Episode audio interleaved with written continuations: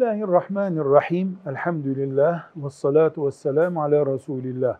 Avustralya'da yaşayan bir kardeşimizin sorusu şu.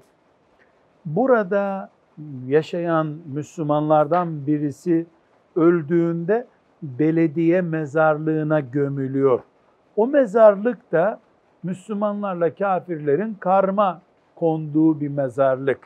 Bu yapılan iş günah mı, caizliği nedir diye sormuş. Cevap olarak şunun bilinmesi gerekiyor. Müslümanın camisi kafirinkinden farklı bir mabet olduğu gibi Müslümanın cenazesi de Müslümanların bulunduğu bir mezarlığa konur.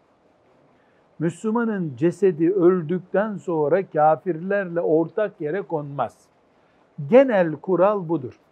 Bir deprem felaketi, Müslümanların bir arada olmadığı, bir yerde ölmüş bir Müslüman gibi olağanüstü bir durumda Avustralya'nın bir yerinde bir belediye mezarlığına Müslümanların yapacağı bir çaresiz hiçbir e, çıkışı olmadığı bir pozisyonda bırakılabilir.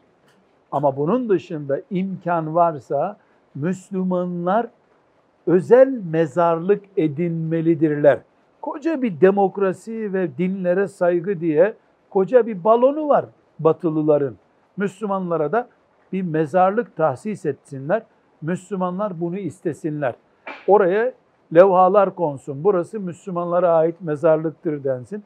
Eğer böyle bir imkan yoksa Müslümanların mezarının Müslüman topraklarda olması için gerekiyorsa cenazeleri Müslüman topraklara nakledilmelidir. Bu da mümkün değilse bir zaruret yani çaresizlik ortamı varsa Müslümanın cenazesi Allah'ın mağfiretine ve rahmetine sığınılarak diğer mezarlıklara bırakılabilir. Velhamdülillahi Rabbil Alemin.